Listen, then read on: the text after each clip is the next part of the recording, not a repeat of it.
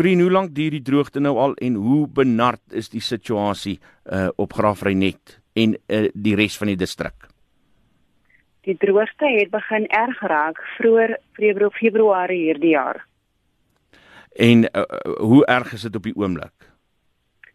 Ons baie munisipale boorgate is droog op hierdie oomblik.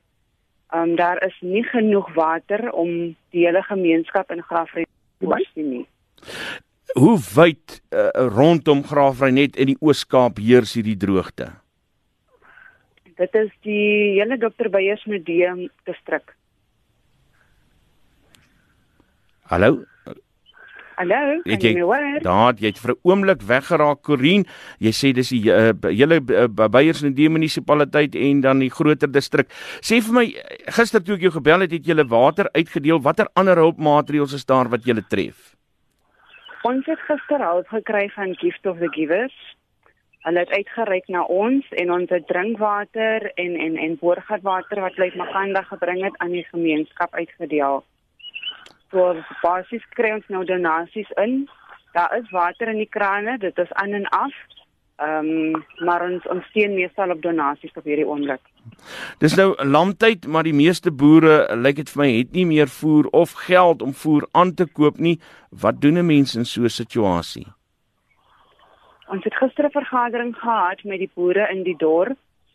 Ehm um, daar is Gift of the Givers is besig om uit te reik. Daar is voer op pad na die Ooskaap vir die boere wie wie wie, wie betrokke was by die by die vergadering. So ons is net besig om vas te stel hoeveel boere daar is wat dit nodig het en en en hoeveel vee die boere het om hulle van vir van genoeg voer te voorsien. En dan is daar sprake Corien van uh, hulp uh, droogte hulp geld wat net in die niet verdwyn. Wat word van dit? die droogtehulp, ehm um, ek dra op hierdie oomblik nog geen kennis daarvan nie. Baie dankie, dis uh, Corin Konradi van die Waterkrisiskomitee op Graafrenet. Ons bly by die storie en praat nou met die geoloog geoloog van Gift of the Givers, uh, Dr. Gideon, Gideon Groenewald. Goeiemôre Gideon. Goeiemôre Isak, uh, goeiemôre aan al jou luisteraars vanoggend. Gideon, julle boer vir water, eh, jy help vir Gift of the Givers daarmee. Wat is uh, die sukses daarmee?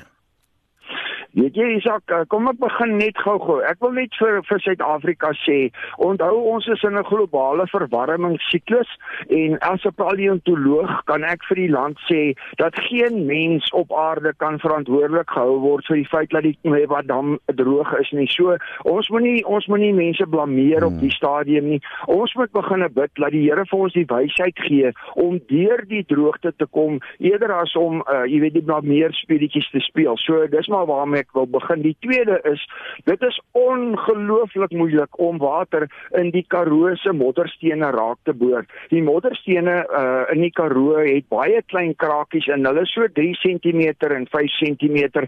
Partykeer as jy gelukkig dan kry jy 'n krakie wat so na 5 na 6 cm wyd raak. Die goed staan teen 80 grade, 86 grade in die grond af. Van hulle is gevul met uh, vulkaniese materiaal wat magneties is, dan kan jy hulle lekker raak sien.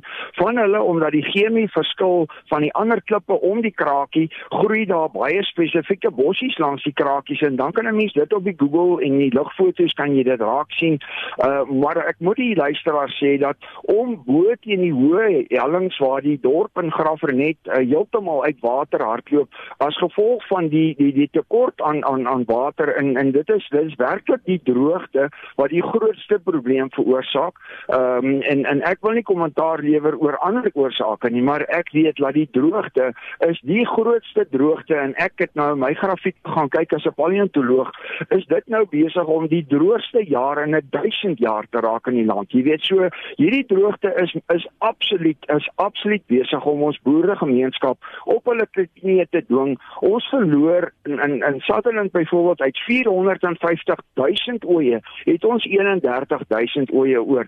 Mense, dit is dit is dramaties en ek weet nie hoe die boere hierdie sielkundige stryd teen die oorlog uh, gaan wen nie, maar uh, ons help. So so ja, die vraag wat jy vra is hoe moeilik is dit?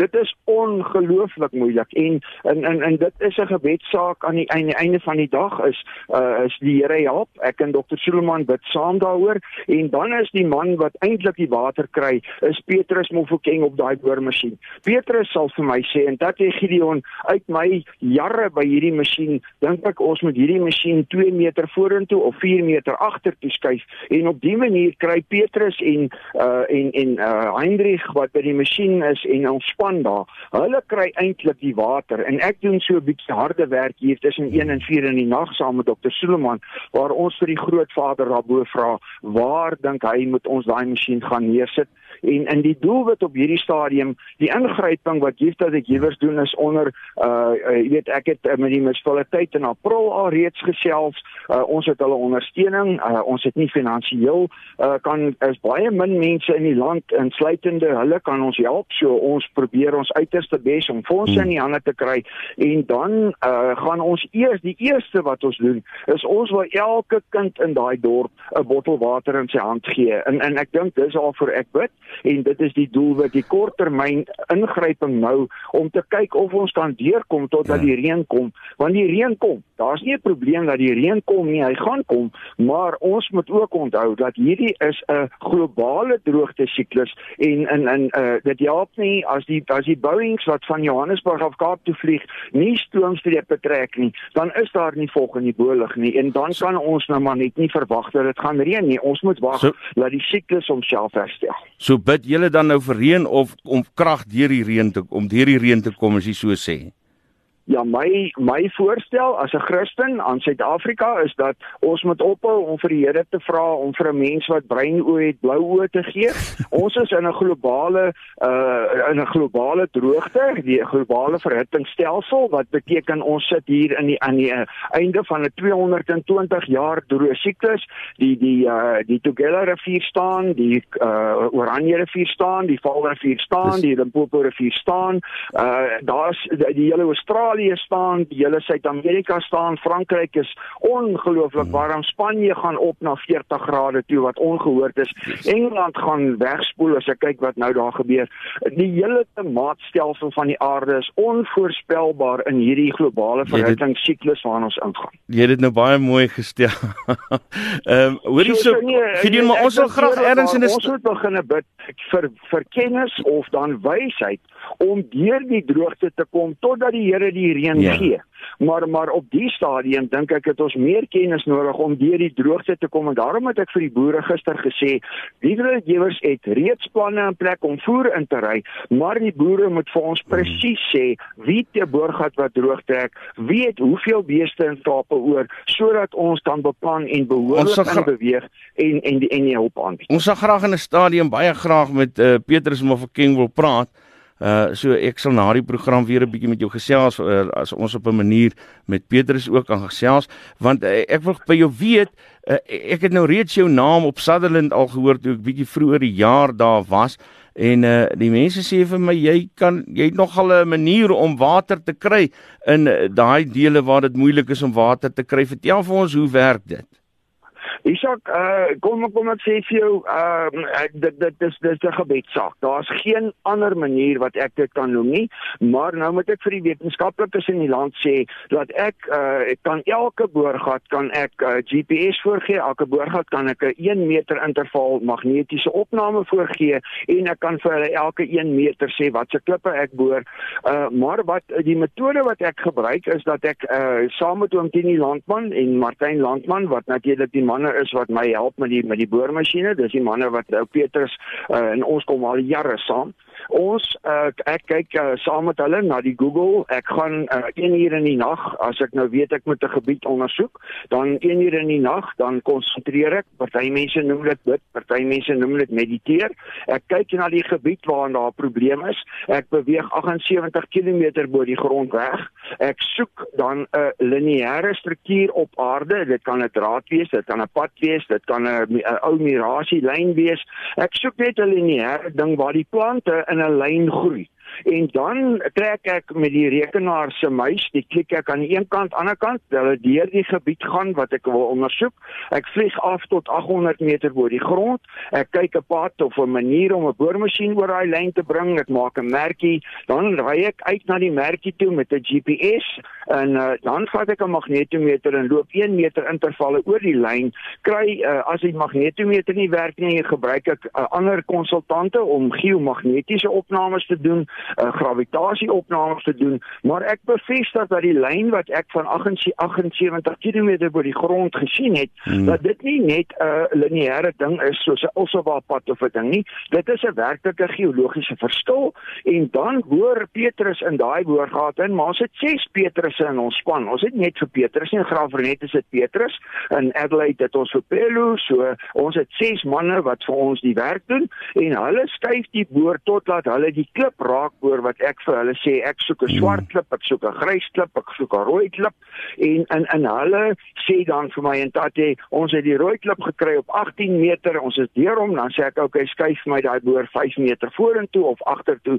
En op dié manier boor ons dan op 72 of 90 of 140 meter. In Makanda was dit 143 meter gate waar ons dan die die uh, die een boorgat wat ons op die stadium in Makanda gebruik gee vir ons 'n miljoen ons pomp op die stadium 'n miljoen liter 'n dag uit daai een boorgat hmm. en hy sak nie meer as 18 meter nie so ongelooflike sterk uh, water wat onder die grond nog voorkom en daarvoor moet ons vir die Here dankie sê. Da, ek weet in Adelaide het julle uh, vyf gate uh, ge, um, uh, ge, geboor ja, en 1.5 uh, ja, ja. miljoen liter per dag daar uit kon kry, maar dis ook nou nie onbeperk nie want uh, lyk vir my die watertafel moet 'n ou ook nou maar oppas anders sak hy bietjie erg nê. Nee.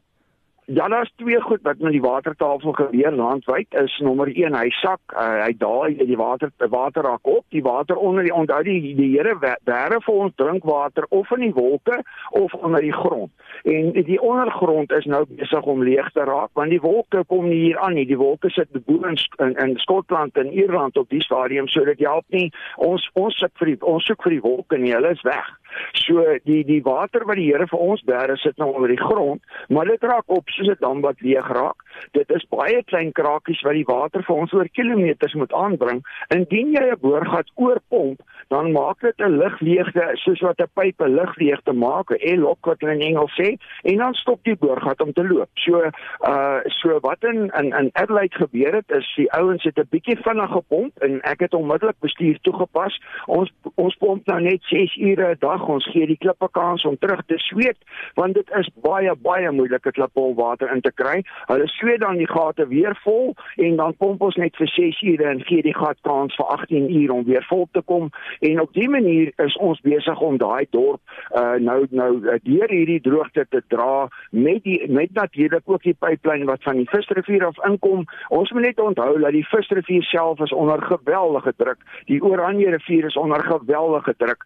So so die totale voorraad water is besig om af te neem. En dan die ander ding Isak wat die boere en almal moet on, onthou, hierdie die varswater lê bo op soutwater. Soutwater hmm. is meer dig as varswater. En soos wat die boorgat vlakke daal, uh, is die boorgat se se kwaliteit water besig om dramaties te ver, uh, te verander en as jy vir 'n skaap nou water gee wat nou hierdie jaar anderster lyk as verlede jaar kan die skaap 'n heel moontlike probleem optel met die vertering van die kos omdat die water se kwaliteit verander en dieselfde met die mense in die dorpe is dat ons ons sukkel met die met die kwaliteit van die water en daarom het hier dan die gewers 'n konteinerstelsel begine bou waar ons dan die water terugbring na 'n drinkbare betere kwaliteit toe omdat ons weet hierdie toestand kom en ons maak al reeds reg daarvoor. Die droogte is besig om sy tande te slyp. Die droogte is nog nie hier nie. Gideon, verduidelik bietjie vir die luisteraars hoe lyk dit uh, as mense nou van 'n watertafel praat dan party mense die idee van uh van 'n groot dam onder die uh, onder die grond, maar maar hoe lyk dit onder die grond da, as ons nou praat van 'n watertafel en en uh die sogenaamde pockets waar jy water kry? Okay, net net vanaand dan. Uh elke geologiese klip in Suid-Afrika het sy eie manier wat hy sy water gee en die water hou natuurlik. So ons kry klippe, byvoorbeeld die graniete wat onmoontlik geen water kan hou nie. Die doleriete onmoontlik geen water kan hou nie. Uh die klippe is soos glas. Daar jy weet, is heeltemal hy kan geen water hou nie. Die enigste water wat in 'n doleriet of 'n graniet of 'n diabas, die groot woorde, dit beteken maar net ysterklip in die boere se terms. Die ysterklippe in Suid-Afrika en daar in Giani byvoorbeeld. Ek kry die mense ongelooflik jammer want Giani word die hele wêreld onder lê deur die deur die Bosveld kompleks uh, groep klippe en graniete. Daai goed kan net water gee waar hulle gekraak is of waar hulle nog bietjie verweerd is aan die bokant, maar daarna is dit 'n soliede klip. So so dit beteken die watertafel op aarde volg die topografie van die land. So die die enigste rede hoekom water nie oral op die grond uitspuit nie is gewone lugdruk druk die druk die water terug. So jy het 'n balans tussen die geohidrologiese druk uit die grond uit en die lugdruk van bo af. So boere sal sien dat in die somer loop fonteine gewoonlik 'n bietjie stadiger as in die winter want in die winter het Suid-Afrika 'n lae lugdrukstelsel en in die somer het ons 'n hoë lugdrukstelsel. So dit is hoekom die fontein se loope uh, verander deur die twee seisoene. Maar maar nou die die watertafel uh, baie keer kry ek as ons uh, watertafels kan jy kry dat daar's byvoorbeeld jou jou jou jou modderstene in in Graafrenet uh kry jy dat hulle lekker verweerd is bo op die berge Nou as dit reën, dan syfer die water onmiddellik in daai verweerde moddersteen tot so by 18 meter, 24 meter in en daarna is daai klip solied en dan het ons wat ons noem 'n uh, uh, soort van 'n uh, watertafel wat kunsmatig hoog gehou right. word en bo op die berg loop die fonteine uit en onder die berg is dit horingdroog. En dit is dit is die dit is die watertafel volg se meer die klippe nou in Dolomiete wat natuurlik nou daar by Kuruman voorkom en dan hier na Pretoria se kant toe.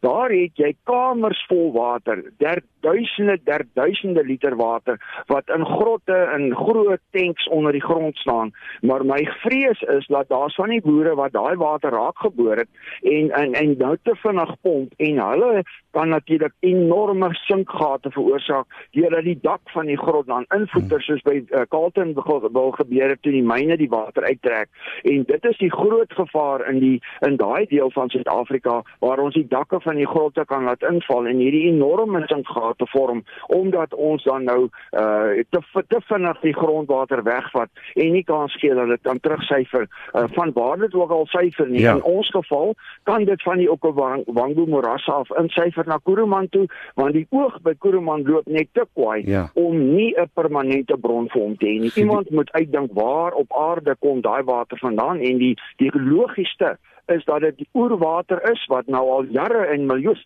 miljoene jare uit hmm. Botswana insyfer na ons kant.